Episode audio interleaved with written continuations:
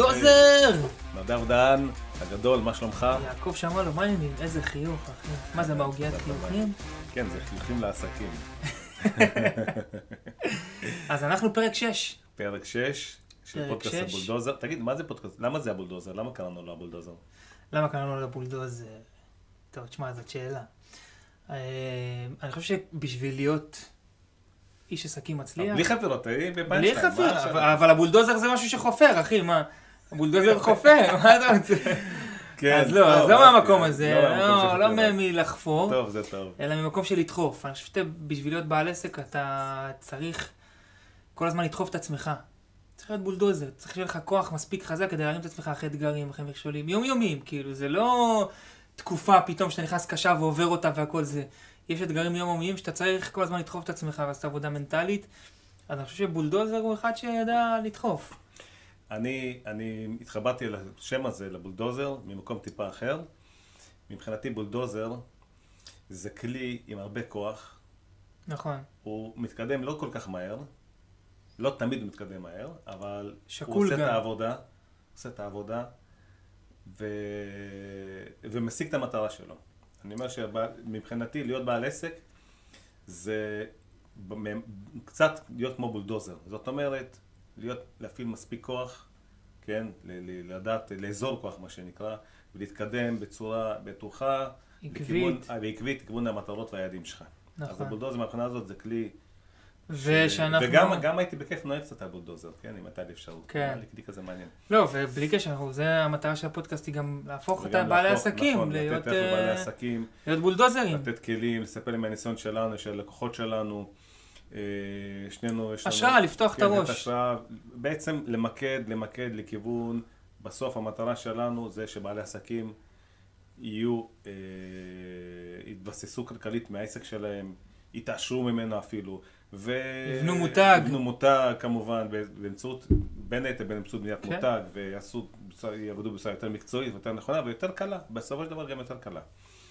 נכון. אה, וחוץ מזה שבולדוזר מתקשר לשדה, נכון? או שלא, לבנייה. לא, לבנייה, בנייה, לבנייה. בנייה. בסדר, בניית תשתיות, בנייה, זה גם נכון. רלוונטי. זה כלי אסטרטגי. נכון, כלי אסטרטגי אסטרטגי. לחלוטין. תגיד. אה, אתה שומע פודקאסטים? כן. איפה אתה שומע? כאילו, ב- אה, הכוונה, אני- באיזה זמן אתה נמצא, מה אתה עושה בזמן שאתה שומע פודקאסטים? כן, אני, אני התחלתי לא מזמן אה, להתאמן במכון כושר. יפה. עכשיו עם הקורונה, אני לא יודע מה יהיה, יכול להיות שנפסיק, אני כן, מתלבט. חוזר עכשיו שאני לא כן, גל השני. שזה מאוד מצער, אבל... הגל אה, הרביעי, לא, כמה, איזה אה, גל זה? גל. אה, גל. כן, בסוף זה תהיה, כמו שאומרים, מחלה אנדמית, ואנחנו כן. פשוט נחיה את זה כמו שפעת וזהו. אני דווקא חושב שברגע שתהיה תרופה, לא חיסון, תרופה, תרופה זה פותר, כן. ישחררו. כי החיסונים כן. האלה נראה שזה סתם... סתם חרטה, תרופה. לא לא כזה עובד כמו שחשבו, השיטה החדשה הזו של ה-RNA.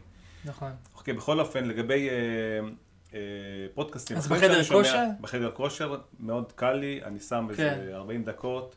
יפה. ריצה, אימון וזה, אני מאוד נהנה ומקבל ערך מאוד רב. אני ממליץ לכולם אה, בזמן הפנוי שלהם לשמוע פודקאסטים, זו דרך לא, מדהימה. אני לא ממליץ בזמן הפנוי, אני ממליץ בזמן כן. שעושים משהו שלא מצריך ממך לחשוב. לא משהו מנטלי. לא משהו, כן, לא משהו שאתה צריך טכני, עכשיו לחשוב. נגיד, אני שומע ברכב בנהיגה תמיד, כל בוקר יש לי 20 דקות, חצי שעה עד שאני מגיע למשרד עם הפקקים והזה, חצי כן, שעה באוטובוס, קבוע. מי שנוסע לתחבורה ציבורית. שיש תח- כן, בזמן שלא מצריך לך לחשוב, אתה יכול גם בזמן שטיפת כלים. שאתה לא צריך להפעיל את המוח, שטף כלים, שטף על אוטומט. שאתה מוציא את הכלב, אה, חדר כושר, ריצה, הליכה, כל מיני כאלה, שאתה לא צריך, באמת שאתה יכול, או אפילו ליותר, אה, ליותר אה, רציניים, תוך כדי שאתה עושה משהו שכן מצריך ממך לחשוב, אבל אתה עדיין יכול בחצי האזנה להקשיב לפודקאסט. בסדר, נגיד- כל אחד ימצא את הזמן שלו. כן. סתם זורק אני כל כל דרך מיני אגב רעיונות. שמתי לב שאני לא אוהב, לא אוהב לטחון לעצמי את המוח עם פודקאסטים. יש כאלה שמה, יש- לא, לא כל היום, לא. תשמע, לא צריך, אה, בדיוק, לא- זה פתאום הופך להיות? עבודה. לא, לא, לא, לא. לא, זה אמור להיות השראה, זה פותח, אני אוהב לפתוח עם זה. את הבוקר, אני אוהב אה, תוך כדי. דברים אחרים, אפילו הרבה פעמים כשאני מגיע למשרד, בדברים הראשונים שעשינו במשרד, אם זה שאני מסדר, אני יושב שנייה על משימות ראשונות, אני עדיין שומע את אותו פרק שהתחלתי, ואני שומע אותו בחצי האזנה וחצי עושה משהו, זה נותן ערך, זה נותן השראה. כן. אה, שמתי לב. שמה שאני הכי אוהב בזה, זה בעיקר לשמוע ניסיון של אנשים אחרים. בטח. כי בע- כבעל עסק, תראה, יש, אתה יודע, הילדים שלי הם קטנים, ואני, בגלל שאני בתחום של יזמות ועסקים, אז אני הרבה מדבר איתם על הנושאים האלה. ואני אומר, תשמעו, בסוף, כדי לתת ערך לעולם, אתם צריכים להכיר את העולם. אם אתם לא תכירו את העולם, לא תדעו איפה לתת ערך. ואם לא נתתם ערך, גם לא קיבלתם. אה, סתם, בן ששואל אותי איך להיות עשיר, אמרתי לו פשוט מאוד, אתה תמיד תיתן משהו ותקבל כסף. אם זה הכיוון של הזרימה, אז אתה תהיה עשיר, אם זה הפוך, אז לא בטוח. כן. אבל לא משנה. אז אתה צריך לתת ערך, נכון? אתה צריך להכיר את העולם. אז אה, פה, אתה יודע, אנחנו בעסק שלנו, יש לנו את הלקוחות שלנו גם מצומצם של 100-200 איש שאנחנו כאילו כביכול איתם, אבל כשאתה שומע אנשים אה, שהם עשו את הדרך והם כבר התקדמו, כן? אני אוהב לשמוע אנשים שיש להם ניסיון יותר גדול משלי, לקבל השראה באמת, ואני מוצא בזה ערך מאוד רב, וגם תובנות יישומיות ממש, דברים ששמעתי בפודקאסטים. כן, אני, אני לשמוע בטח. את הפודקאסט המעולה לדעתי, אה, עוד פודקאסט לסטארט-אפים, זה, כי מדברים שם הרבה על יזמות ועל, לא רק על סטארט-אפים, זה יזמות בכלל, זה שזה כן. טכנולוגי, זה, זה כביכול, לא, לא, לא, זה לא האישו שם, זאת אומרת, זה כן האישו, אבל מדברים שם על יזמות באופן כללי, על ממש השלבים ההתחלתיים של איך להקים עסק, איך לבנות, ואני שם לב שהאתגרים של יזמים הם דומים מאוד, וקרוב לוודאי שמי שפותח עסק, לא משנה באיזה גודל, יחווה פחות או יותר מאותם שלבים, לכן לשמוע תובנות של אנשים שכבר עשו את זה, כמו שעכשיו אנחנו מנסים לעשות, בעצם לתת לאנשים ערך, שיקשיבו, ישמעו את, מה- את החוויות שלנו בעסקים, אה, זה. מאוד עוזר. אני ממליץ על אה, שני פודקאסטים, ממש ממש חזקים. אחד זה הבולדוזר. טוב, זה... אני משוחד אולי. יש טיגריס, טיגריס שחור לבן, והשני, משהו כזה? הטיגריס הלבן, כן, זה הפודקאסט השני כן. שלי, אה, ביחד עם אה, לא, רוס הגדול. לא, לא, לא, אבל אני. רגע, שנייה, יש פה קאץ', אני רוצה להסביר למה אני ממליץ על שני הפודקאסטים האלה. הטיגריס הלבן זה פודקאסט אה, בנושא שיווק ומיתוג שנעשה עם רוס, בחור סופר מוכשר כן. וקולגה. אבל אני ממליץ על זה מהמקום של גם אתם, בעלי עסקים, לכו ותעשו פודקאסט. לכו ותעשו פודקאסט. למה? כלי אסטרטגי, כלי לבנייה של מערכת יחסים. עזוב, כלי לביטוי. באמת זה משהו שהוא כיף. אתה בא מבטא את הערך שיש לך בעוד דרך. שיווקית, כמו, ש... כמו שאנחנו רגילים לעשות, אם זה פוסטים, אם זה תוכן, אם זה לא משנה מה, אז זה עוד דרך אה, מאוד מאוד אה, טובה, ואני חושב שזה גם בקטע התדמיתי, שאתה מפיק פודקאסט לעצמך, אתה משדרג לעצמך את התדמית העסקית. וגם את איך אתה תופס את עצמך. יש פה, יש פה הרבה דברים אחרים, אז אני ממליץ אה, שאתם תמליצו על הפודקאסט שלכם. נכון, וגם אנשים שעוד אין להם. אולי קילומטראז' בעסק, או ניסיון עסקי, שהם נגיד ידע מקצועי וזה, הם ת- תמיד אפשר בפודקאסט נגיד לראיין מישהו. לראיין אנשים, בטח, לא, זה לא חסר. כן. נכון, וגם אתם לומדים, וגם נותנים ערך, וגם מתבטאים. לגמרי. לכולם יש מה לתת, אף אחד לא פותח אה, עסק שהוא בן שלוש, אנשים שכבר נכון. עברו משהו בחיים, נכון, אולי בקריירה, אולי בצבא, אולי במסגרות אחרות, לכולם יש מה ולכולם יש מה לתת, אה, וזהו, בסוף אתם תמצאו את האנשים שמתחברים אליכם באמת, באמצעות הפודקאסט שמתחברים אליכם ואוה- ואוהבים את הגישה שלכם, לגמרי. ואתם נותנים ערך, לגמרי. אה, העסק. אז זאת הייתה חפירה על? פודקאסט, כן, פרק 6. פרק בוא 6, נתחיל כמה דקות שרפנו על. השטות הזאת? סתם. לא, למה לא, שטות? יש צוחק. בזה ערך. פרק 6, כן. מה אתה רוצה להכריז? מה הנושא של הפרק? הנושא של הפרק הוא המעבר, כן, מעסק, מבוטיק לעסק יותר גדול, מסחרי, או שהוא כבר לא one man show מה שנקרא, מעסק שהוא קטן שהוא בוטיקי, לעסק שהוא, עזוב? בפרק. ה... בפרק הקודם דיברנו על, עבר, על המעבר מ-one man show לבוא נגיד צוות של עובדים, אוקיי? כן, איך מנצלים עכשיו את. אנחנו מדברים על המעבר מצוות של עובדים לרמה היותר באה, היותר גדולה. לא, במובן שמה כבר- שזה עושה, מה זה עושה לעסק בעצם. כן, מה זה שכבר אתה? ממש מתחיל לגדול, וכבר הדברים שקורים בעסק, הרבה מהם, הם לא בשליטתך. הת- התוצרים, העבודה השוטפת, יש לך כבר צוות רחב של עובדים.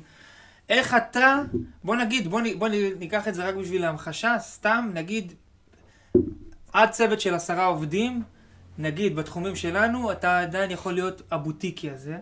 עדיין אתה יכול לשמור על הערכים החזקים שלך, על היחס האישי, על השירות, על כל הדברים האלה שאתה רוצה, כי זה בשליטתך. לא, אבל שנייה, אבל לפני, בדיוק, איפה אתה רואה את ה... סליחה שאני ככה קוטע אותך, כן. רגע, דחוק את המחשבה, ניתק לי. אנחנו מדברים היום על השלב, בעצם האתגרים שבמעבר נכון, מ- מבוטיק לעסק שהוא נכון. יותר גדול, שהוא בעצם כבר נותן שירות לקהלים יותר רחבים. נכון, בדיוק. אז איפה פה, איפה האתגרים פה? בוא נתחיל מזה. סבבה, שנייה, אז אני רוצה שאנשים יבינו את המעבר הזה, מתי הוא קורה. כי לדעתי יש כאילו איזשהו רף, או אפשר למדוד אותו לפי הכנסות מסוימות, או לפי כמות לקוחות, או לפי כמות עובדים, שזה לרוב שלושתם ביחד. שכאילו מה קורה, מתי זה קורה? מתי מגיעים למצב הזה שאתה מתחיל לחשוש לאבד את הערכים של המותג שלך, את הערכים של, ה... של מה שבנית, ולהיות כביכול מסחרי, אוקיי? ומה המשמעות של זה גם?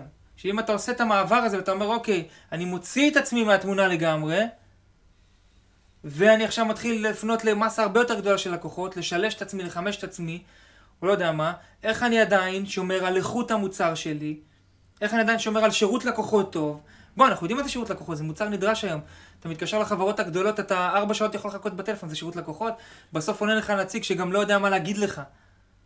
אז איך אתה כן שומר על הדברים האלה כשאתה גדל, כשאתה נהיה מסחרי? אני חושב שמי ש... מי שקובע בעצם אם אתה מסחרי או בוטיק, זה לא אתה, זה הלקוח שלך. נכון? הלקוחות שלך בסוף הם אלה שמחליטים, אפילו אולי לא מגלים לך את זה, אבל הם אלה שיורד להם האסימון שאתה כבר לא בוטיק אלא אתה מסחרי. מתי יורד להם. האסימון הזה? זה יכול לקרות בהרבה, כל מיני שלבים, זה אין פה... שמה, מה הטריגרים. שגורמים ללקוח להגיד, אה, הוא נהיה מסחרי? שוב פעם, אצל, אצל הרבה לקוחות, זה כל לקוח בשלבים שונים, אבל אתה יודע, בממוצע, בממוצע אה, אני, אני, לא, אוקיי, זאת, לא, לא, אני רגע, חושב רגע, שזה זאת. לא התשובה, זאת, זה בעצם ההבחנה. עכשיו, השאלות שצריך לשאול, זה, האם אכפת לי מזה?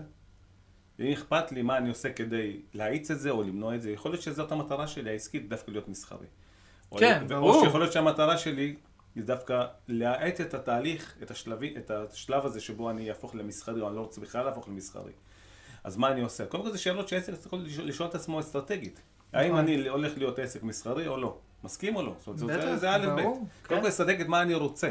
עכשיו, חשוב להגיד גם, אין דבר, אין בזה דבר רע בלהיות מסחרי. נכון, זה עניין- עניין של החלטה אבל אני אסטרטגית. חושב שצריך להבין גם איך, איך עושים את זה, כדי לא להיות עוד עסק מסחרי שהוריד מאיכות המוצר שלו בוא, בוא, נגיד, בשביל... בוא אה, נגיד שלהיות עסק מסחרי, קודם כל לא, לא כל עסק מסחרי מוריד את איכות המוצר נכון, שלו. קח נגיד את סתם. את נייק נגיד, מה? ברור שלא, או מותגים. שהם מסחריים, הם לא דווקא הפוך, העוצמה שלהם זה בשהם, חלק מהמותג שלהם זה שהם איכותיים יותר. נכון. אז אה, לא- לאו דווקא זה פוגע באיכות. אני חושב ש... בוא נגיד, בוא, אז בואו נמקד קצת את השאלה, כן? אני, מבחינתי, כאילו, זה, אני אה, פתאום מבין תוך כדי הפודקאסט מה אנחנו רוצים, על מה אנחנו רוצים לדבר. בסוף, הבעיה שלא עם אלה שרוצים להיות נסחרים מלכתחילה. כי פה כביכול התשובה היא ברורה. נכון. דווקא עם אלה שרוצים לשמר את הבוטיקיות שלהם נכון. לאורך זמן, למרות שהם מתפתחים. וזה אתגר, כאילו, אתה אומר, שמע, לפעמים זה יכול להיות אתגר. מה אני עושה, חשיבוקית, מבחינה תפעולית, מבחינת זה, כדי ש- לגדול, כן, לטפל לא בעשרה לקוחות, אלא במאה לקוחות, אולי במאתיים, אולי באלף לקוחות, אולי בעשר אלף לקוחות, תלוי כל אחד בזה שלו, בעסק שלו, ואני משמר את הבוטיקיות. קח, ניקח דוגמה ספציפית שמדבר עליה. נגיד שאני עסק לגלידות או לריבות או לא יודע מה, שאני מכין בבית, או למנות מבושלות שאני מכין בבית. ועכשיו אני רוצה, ואני משרת נגיד, לא יודע מה, 100 לקוחות, 50, בין 50 ל-100 לקוחות שקונים ממני כל חודש את הריבה שלי, או את הגלידה שלי, או את הזה שלי. מה אני עושה, כן, אם אני עכשיו רוצה לגדול לתפוצה ארצית, ואני משמר, וזה זה באמת שאלה. איך, איך אני משמר את זה? האם אוקיי, אפשר בכלל לשמר את זה? אוקיי. ומה אתה עונה לעצמך?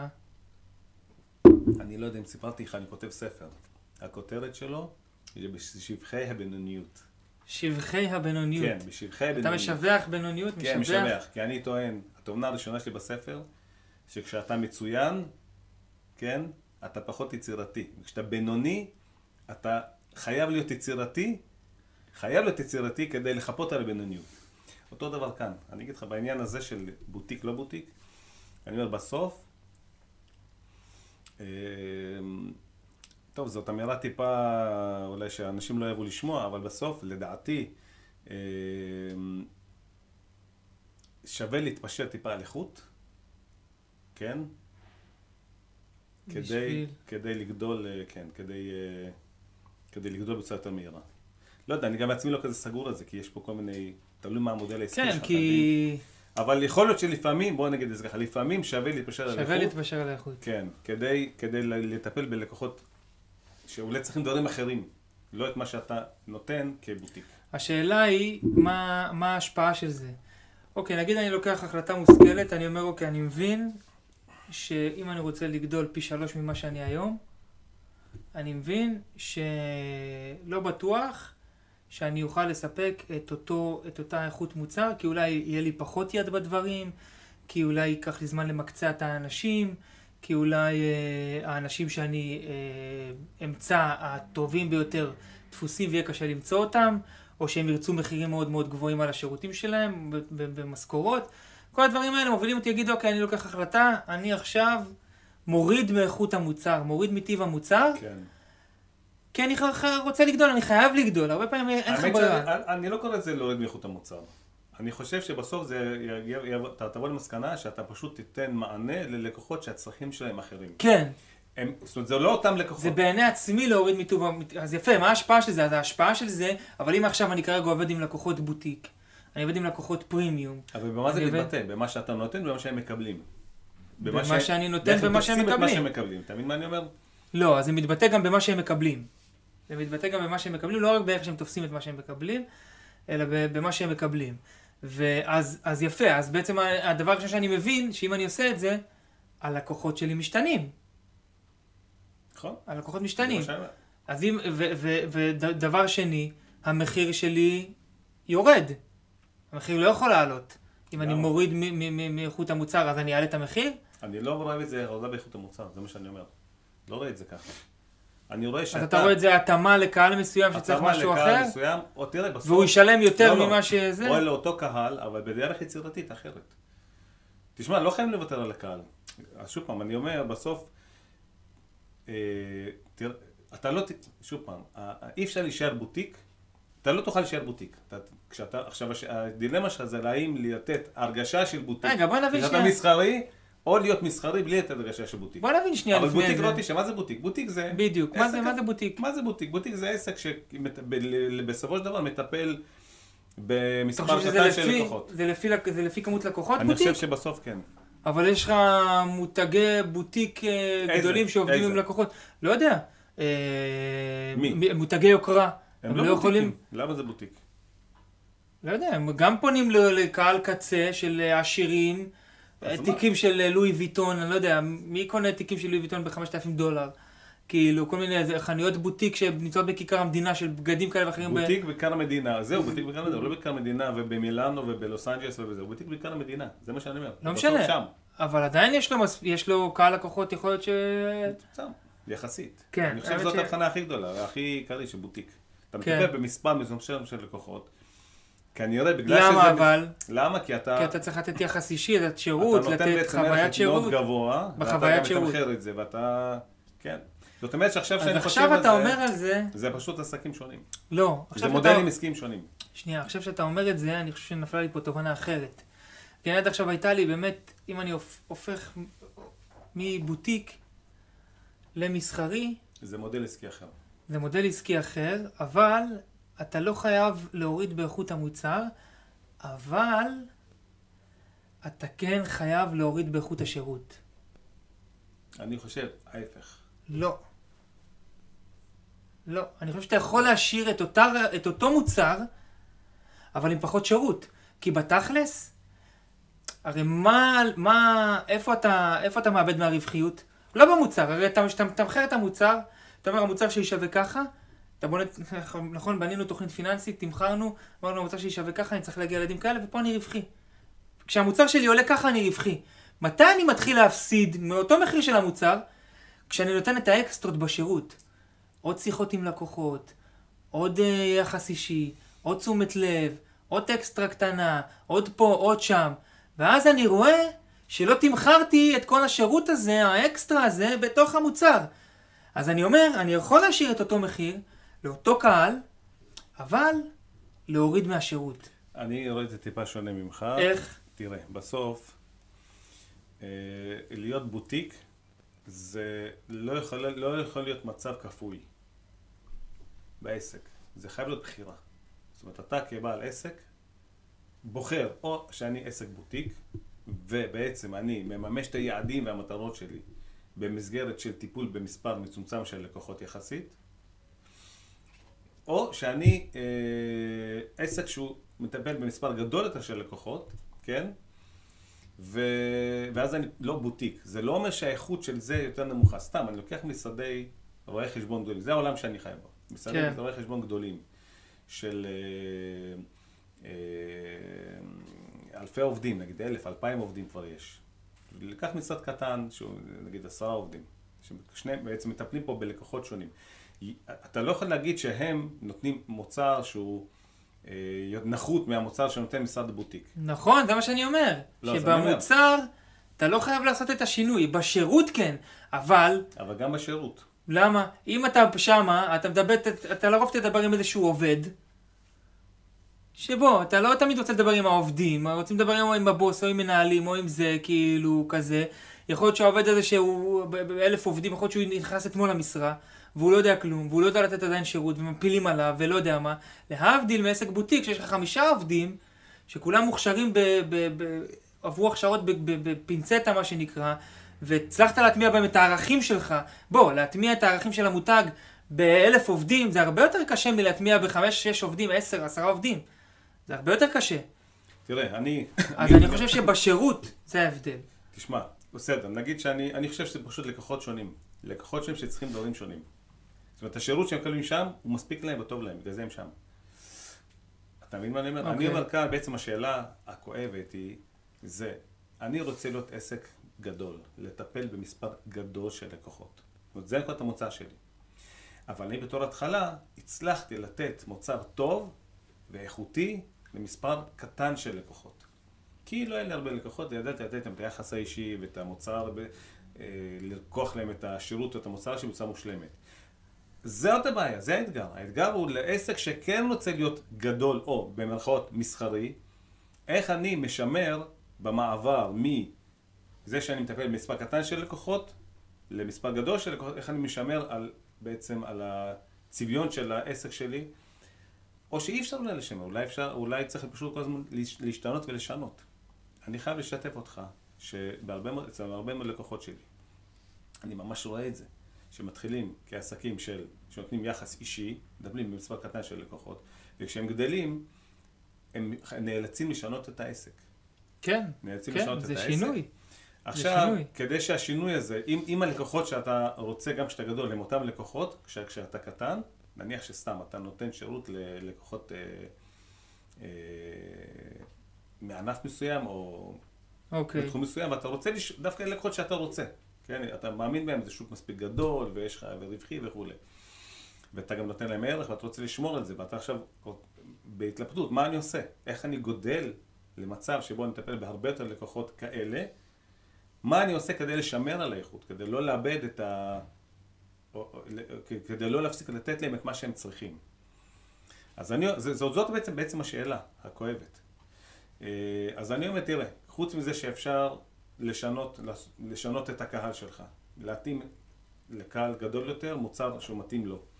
חוץ מזה שאתה יכול אה, אה, להישאר קטן, שזאת גם אופציה, לא לגדול, אני חושב שבסוף אה, את המעבר הזה, אם עושים...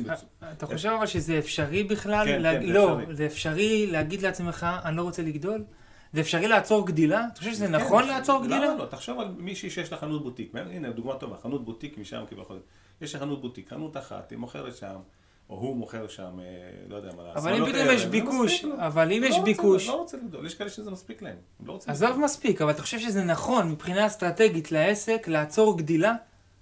כל אחד בוחר, כן, אני, כי כל אחד בוחר לעצמו. מה? עזוב מה, עזוב מה בוחר. גם אתה, גם אתה אה, פעם אמרת לי. איזה משפט שכשאני אגיע לגבול מסוים אז אני לא יודע אם אני ארצה לגדול עוד, שזה, אתה יודע. בסדר, אני אומר, אני לא יודע מה יהיה, אבל אני שואל לא מה מבחינה אישית, מבחינה עסקית.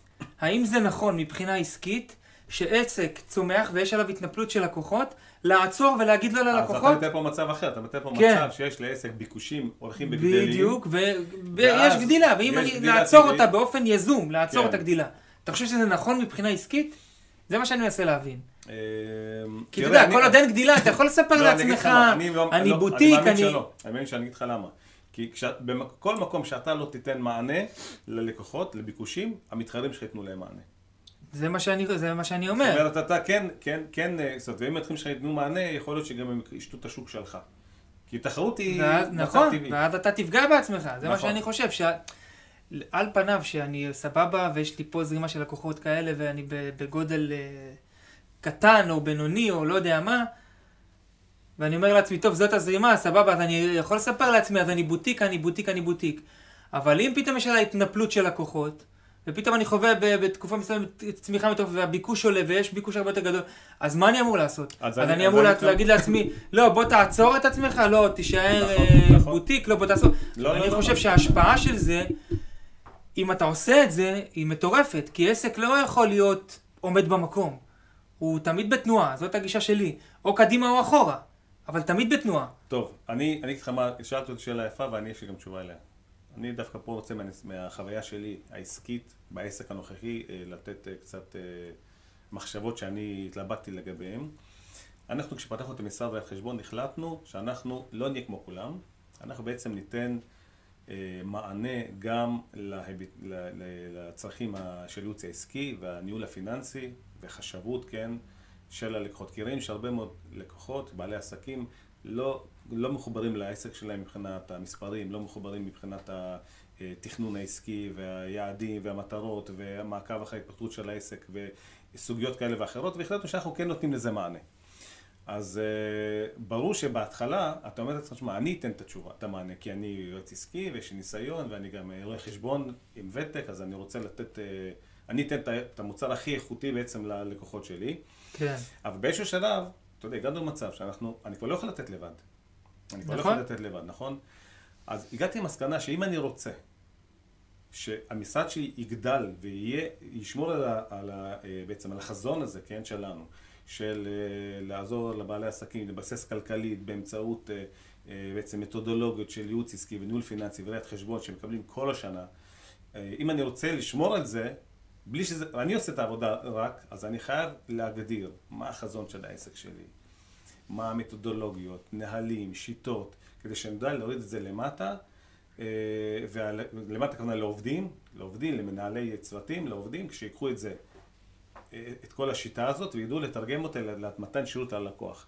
וכשהגעתי למסקנה הזאת, הבנתי שזה קל. אומרת, בסוף הגעתי למסקנה, מה זה קל? במובן הזה שאני היום בטוח שאני יכול לתת מענה ללקוחות שלי בתחומים האלה שאני דיברתי עליהם קודם, גם אם לא אני נותן את השירות. וזה עובד יופי, עובד פיקס. יפה. אז שחררת פה אמונה מקבילה. לגמרי. שחררת פה את האמונה לא, המקבילה, שקל, אני חושב אבל שזה, שזה הדבר המרכזי שיכול לעצור את העסקים במקום הזה, כי חושב, בשלב מסוים אתה מגיע לזה, אחרי שנה, אחרי חמש שנים, אחרי עשר שנים, לא יודע, עסק שהוא עובד, פעיל, חי, בועט, הוא מגיע לנקודה הזאת, שהוא אומר, רגע, מתי אני מוציא את עצמי מהתמונה? אני חושב שזה הדבר המרכזי, ברגע שאתה הבעלים של העסק ויש לך, בוא, יש לנו חיבור רגשי לעסק שלנו, אי אפשר להתעלם מזה, יש פה חיבור רגשי, גם אם נרצה או לא נרצה. אז ואתה, יש לך את החיבור הרגשי הזה בעסק, ואתה מגיע למצב שאתה גדל, אתה אומר. יש לך, יש, יש שם, תמיד יש, אה, תמיד יש משהו רגשי שם, לא סתם בחרת לעשות דווקא את זה. לא, זה לא סתם. אני אוהב את מה שאני עושה מאוד. זה מאוד. מספיק, זה אני- מספיק. יש לי זה חיבור חיבור יותר רגשי. ללקוחות מאשר לעסק שלי, אמיתי אני אומר. בסדר, אבל זה מספיק. אתה אוהב את מה שאתה עושה גם. מאוד. אתה אוהב לנתח את הנתונים, אתה אוהב להסתכל על המספרים, אתה אוהב ל- תכלס ל- אני אוהב לעזור לנהל. לאנשים להצליח בעסק, אמיתי. זה מה שאני גדול. בסדר, זה- זה חיבור רגשי כל לקוח. שלי שאני רואה שהוא מתקשה, אני אוכל את עצמי על זה. אני מנסה לעזור לו ולזה, לפעמים, אה, הרבה פעמים הם לוקחים את הדברים ומיישמים. אז זה חיבור רגשי, זאת הסיבה שאתה עובד בזה ולא עובד בתור מוכר גלידות, סתם אני אה, דוגמה. גם בתור גלידות אתה יכלת לעזור אבל אה, לאנשים לצמוח. בכרס. בכרס. כן, אבל בסדר, זה לא משנה. מה שאני בא להגיד, שבסופו של דבר, כשיש לנו חיבור רגשי, אז יותר קשה לנו גם לשחרר בעסק, להאציל סמכויות. והקושי הזה של לשחרר ולהאציל, הוא בדיוק האתגר הזה של להבין, אוקיי, אני משחרר עכשיו מהבוטיקיות הזאת, מה- מהתת שלי בכל דבר, כדי לשבור את תקרת הזכוכית שלי, כדי להתקדם הלאה לרמה הבאה שלי. כי זאת איך- השורה התחתונה של עסקים. איך אפשר לעשות את זה? אה, תשמע, מה, זה- אתה, מה עשית אתה בעסק שלך כש... אני עוד נמצא במקום הזה של בכלל עם איך לעשות את זה נכון ובאיזה הדרגה זאת, אני חושב שזה צריך לקרות בהדרגתיות. זה לא יכול לקרות בהתפוצצות יום אחד אתה לא נמצא. זה צריך לקרות בהדרגה, ואני חושב שאני מאמין שגם אם אתה מגיע לזה, עדיין לעשות את המקסימום כדי לשמר על ה... לשמור על הערכים שלך ועל השירות שלך. ש... ש... שהלקוחות לא ירגישו, אני, שאני בניתי את, ה... את הסוכנות ובניתי את המותג, אמרתי לעצמי, בספר מותג כתבתי בערכים, יחס VIP, שזה אומר, הלקוח, לא, הלקוח מרגיש שהוא הלקוח היחידי שלנו. זה, כן. ה, זה. זה מה שרציתי שהלקוח שלי ירגיש. לא משנה כמה אני אהיה גדול, כמה אני אגדל, הלקוח חייב להרגיש את זה. אז בתור התחלה אמרתי איך אני אעשה את זה, אני אהיה שם, אני אדבר עם הלקוחות, אני אגע בדברים, אני אעשה, עד שאני אגיע למצב שאני יכול לשחרר כמה שיותר. ו- וגם אחרי שאני אשחרר, אז אוקיי, אז אני אביא מנהל שיעשה בדיוק את מה שאני עשיתי. ואני אביא עוד מנהל, אז אני אביא עוד מנהל שיעשה בדיוק, ואני אטמיע בכל אחד מהם את ערכי המותג, וזה המשמעות של לבנות מותג. זה המשמעות. חשוב מאוד. זה המשמעות של לבנות מותג. שאתה רוצה לשמור על הערכים שלך ועל השירות שהגדרת מלכתחילה. וזה המקום שבעצם אתה עושה את המעבר מבוטיק למסחרי, ועדיין נשאר מותג, ולא הופך להיות מסחרי שאנשים אומרים, "אה, הוא התקלקל. היום בצחוק, בצחוק, היום לקוחה היום שלך יודע, אה, התקלקלת. כאילו בצחוק, אה, נהיית גדול, התקלקלת, אתה כבר איזה, עכשיו זה בצחוק כאילו בקטע חברי, למה? כי שמע שעשיתי איזושהי עליית מחירים או משהו כזה, לא, לא, לא זוכר בדיוק מה היה הטריגר, משהו כזה. הייתה לנו שיחה כזאת בזה, והיא זרקה את זה. ואתה רואה שהלקוחות, הם ירגישו בזה. אני יודע שאם הלקוחות, אם אני אציל את עצמי מהתמונה ואני אתחיל להציל פה לכל הזה, הלקוחות ירגישו בזה. תשמע, אני עכשיו נגעת פה בנקודה שאני מאוד מתחבר לה וער לה, ואני רוצה פה להגיד כזה דבר. אנחנו הגדרנו באיזשהו שלב בתחילת הפודקאסט, שבעצם הבעיה שאנחנו מדברים עליה זה המצבים שבהם אני כן רוצה לגדול, התחלתי כבוטיק, ועכשיו האתגר שלי זה איך אני עובר להיות גדול. אה, בלי לפגוע בערכים. בלי לפגוע בערכים. אז תראה, אז אני חושב שבאופן טבעי יכול להיות מצב שבמעבר הזה כבר הלקוחות הראשונים לא, יתאים, לא תוכל לתת לא להם יתאימו, מענה. הם לא יתאימו. לא תוכל זה- לתת להם זה מענה. מאוד יכול לקרות, הם יעזבו. ויבואו לקוחות אחרים אבל שיתאימו. בשביל לא להתקלקל, בשביל לא בעצם לאבד את הזהות העסקית, חשוב מאוד, כמו שאתה אומר, ואני מקבל את זה מאוד, ואת זה לקחתי ממך, אז שדיברנו על אה, לבנות לי ספר מותג וזה, ובאמת חשבתי על זה, לבנות DNA ל- ל- DNA, לעסק. סט DNA, סט ערכים, שירות. מה, מי, איך, למה, ואז ישבתי אצלי שירות. פעם ראשונה אחרי באמת 20 שנה שאני בעסקים, 25 שנה, פעם ראשונה ישבתי, ישבתי והגדרתי את החזון של העסק שלי. והיום מדהים. אני רגוע, אתה יודע מה זה עשה לי. בעסק? אני רגוע, אני יודע שתשמע, מדהים. כל פעם שאני עושה פעולה, אני מסתכל על החזון שלי, האם זה עוזר לקדם אותו, האם אני עדיין נאמן לערכים שלי, כל עוד זה כן, יכול להיות שזה לא יהיה מזה, אותם אני לקוחות, יכול להגיד לך שיותר מזה, אבל ש- העסק יתקדם. ש... שאני מגייס עובדים. אני בודק לפני הגיוס אם העובד יכול לשרת את אותו חזון. אם הוא מתאים לשרת את החזון, אם הוא מתחבר בתפיסה, הרי מה לגמרי, זה חזון? חזון זה תפיסה שאתה. רוצה להוביל. אם. אם העובד לא יכול להתחבר לחזון, הוא כנראה גם לא יכול להתחבר לערכים. אם הוא לא יכול להתחבר לערכים, הוא לא יכול להתחבר גם לחוויית שירות שאתה רוצה להעביר. זאת אומרת שהוא לא מתאים. ואז פה, אני חושב שזאת נקודה גם כן מאוד חזקה, שאתה עושה את המעבר הזה ואתה אוקיי, אני רוצה, אני רוצה, אני לא הגדילה שאני רוצה לגדול, ואיך אני עושה את זה נכון, אז אתה צריך עובדים הרי כל הזמן לגייס. אז אתה חייב לגייס עובדים שמדברים את החזון שלך, שמדברים את הערכים שלך, שמדברים את החוויית שירות שאתה רוצה אני אגיד להותיר. לך יותר מזה, אפילו, אפילו נגיד שהוא בעצ... העובד, כן, או אפילו נותן השירותים, הוא לא חשב על זה מלכתחילה, אבל ברגע שאתה בא לו עם, עם ה-DNA הזה, יכול להיות שהוא יתחבר לזה. יכול להיות. הוא לא חשב על זה. אז יכול אני אומר. זה, יותר, זה גם מקל על העובדים. בטח. אני יודע מה מצפים ממני, אני יודע שאם אני... זה, זה הרמת שירות שאני... זה, שאני זה אה, לא רק זה, אתה גם רותם את העובד לחזון שלך שהוא מאמין בו, הוא בא בבוקר לעבודה, למשרד, כן, הוא הוא- בא עם ממקום. חיבור רגשי. הוא יודע שהוא הוא בא נותן ערך ל... הוא. בא, הוא בא עם זה שהוא הוא מפיץ חזון. זה הרעיון בלרתום את העובדים לחזון שלך. של לגרום להם להאמין בחזון הזה, להתחבר אליו ולעזור לך להפיץ אותו. כן, נכון. אם הם יעזרו לך להפיץ אותו, אז אתה לא תגיע למצב שאתה מסחר- מסחרי והל- והל- והלקוחות יגידו לך, התקלקלת. אלא הם יגידו, וואי, איזה עובדים יש פה, איזה שירות, איזה מדהים. אני יכול להגיד לך, לא מזמן התחברתי לתוכנ... לאיזושהי תוכנה של אה, ניהול אה, לקוחות. זמן, לא, אה, ניהול זמן. זמן של העובדים, שעון נוכחות כזה. תקשיב, חוויית שירות, הרבה זמן לא נתקלתי בחוויית שירות כזאת טובה.